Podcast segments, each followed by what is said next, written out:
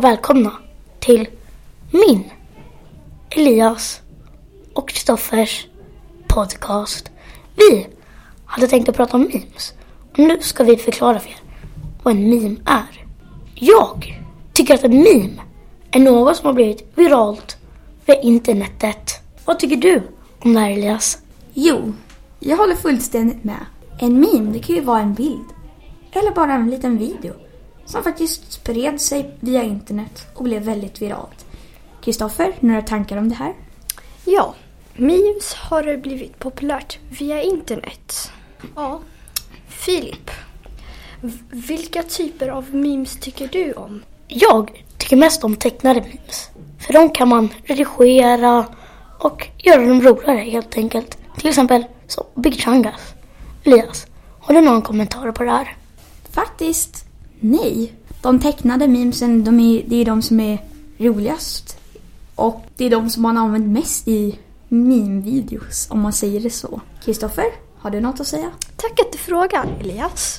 Ja, jag gillar tecknade memes. Som Big Changas. Filip, hur ofta tittar du på memes? Delar du memes? Sparar du memes? Eller vad gör du med dem? Jag kollar faktiskt på memes ibland när jag inte har så mycket att göra. Och ibland så kan man dela dem. Och om man tycker de är extra roliga, då kan man spara dem och sen visa dem för vänner. Elias, ja, vad, vad tycker du om det här? Jag tycker det... ehm, Ja, håller fullständigt med dig. Jag brukar oftast kolla på memes liksom när man inte har någonting att göra. Det är det livet går ut på nästan. Kristoffer? Ja, jag håller inte med. Jag kollar inte på memes, jag sparar inte memes och jag delar inte memes. Men Filip, till nästa fråga. Var hittar man memes? Du kan hitta dem på eh, Youtube. Du kan hitta dem på Safari. Det är bara bara söka på dem. Elias, hur är du för att hitta memes?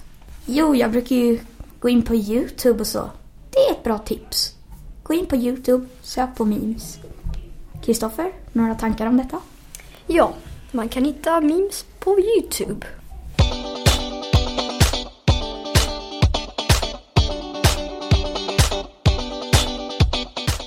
Tror du gamla memes kommer försvinna, Filip?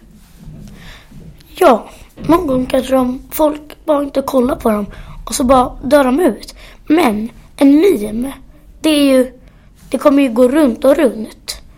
Och så gamla memes kanske försvinner, men det kommer nog alltid komma nya. Elias, har du några tankar om det här? Jag tror faktiskt inte att memes kommer försvinna. De kommer sitta kvar väldigt länge för människan. Kristoffer, vad tror du?